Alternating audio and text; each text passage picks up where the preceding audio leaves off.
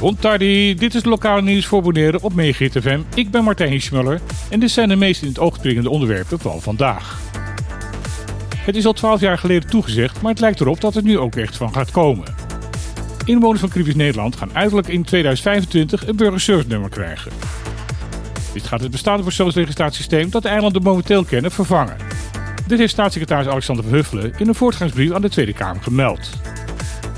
Momenteel moeten mensen die bijvoorbeeld gaan studeren of voor langere tijd voor werk in Europees Nederland moeten zijn, een BSN aanvragen wanneer ze in Nederland aankomen. Dit geeft de nodige problemen, omdat deze aanvraag de nodige tijd kost en je in Europa geen huis kunt huren en ook geen bankrekening kunt openen zonder burgerservice nummer. Op dit moment kun je alleen een BSN aanvragen wanneer je al in Europees Nederland bent. Wanneer de bewoners van de West al een BSN hebben, zouden dit soort zaken al geregeld kunnen worden voordat men naar Europa reist. In zou door de invoering van de BSN in Caribisch Nederland het ook makkelijker moeten worden voor inwoners van de drie BES-eilanden om een bankrekening te openen bij een Nederlandse bank. Van Heuvelen zegt verder in een brief aan de Tweede Kamer dat zo snel mogelijk ook postcodes in Caribisch Nederland geïntroduceerd zullen gaan worden. In een videoboodschap heeft koning Willem-Alexander gisteren de deelnemers toegesproken die gaan deelnemen aan de grote waterconferentie van de Verenigde Naties die deze week in New York gehouden gaat worden. Nederland is een van de landen die deze conferentie namens de VN heeft georganiseerd. In zijn videotoespraak neemt de koning Bonaire als voorbeeld als een klein eiland dat vecht tegen de gevolgen van de klimaatsverandering. Hij heeft daarbij voornamelijk over het intensieve onderhoud van de mangrovenbossen, die een extra bescherming kunnen bieden tegen overstromingen. Veel van wat hij hierover zegt is vrijwel woordelijk overgenomen uit het onderzoek dat de Vrije Universiteit van Amsterdam in opdracht van Greenpeace heeft uitgevoerd. De koning vermeldt daarbij niet dat deze natuurorganisatie momenteel een rechtszaak tegen de Nederlandse staat aan het voorbereiden is. Greenpeace is namelijk van mening dat Nederland te weinig Bonaire ondersteunt in haar strijd tegen het onherroepelijk stijgende water. Vandaag houdt de koning een toespraak bij de opening van de conferentie.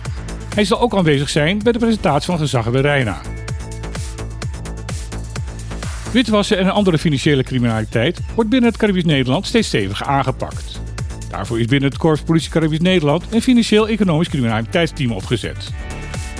Binnen het team worden in samenwerking met de banken grote hoeveelheden bankmutaties doorzocht en worden de meldingen van banken, notarissen, adviseurs en advocaten verder bekeken.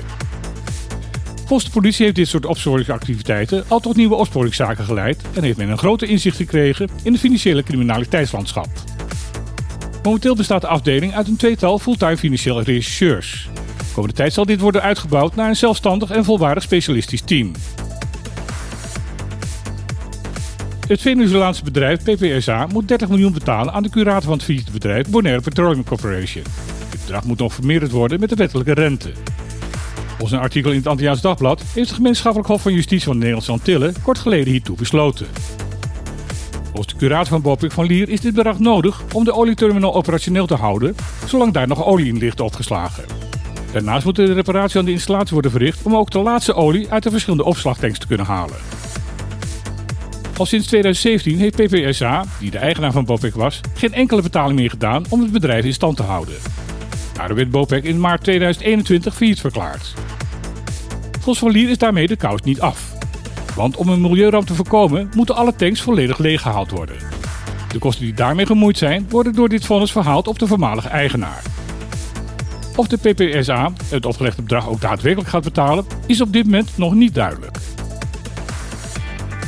Dit was weer het lokale nieuws op Megahit FM. Ik wens iedereen nog een hele mooie en gezonde dag toe. En dan heel graag weer. Tot morgen.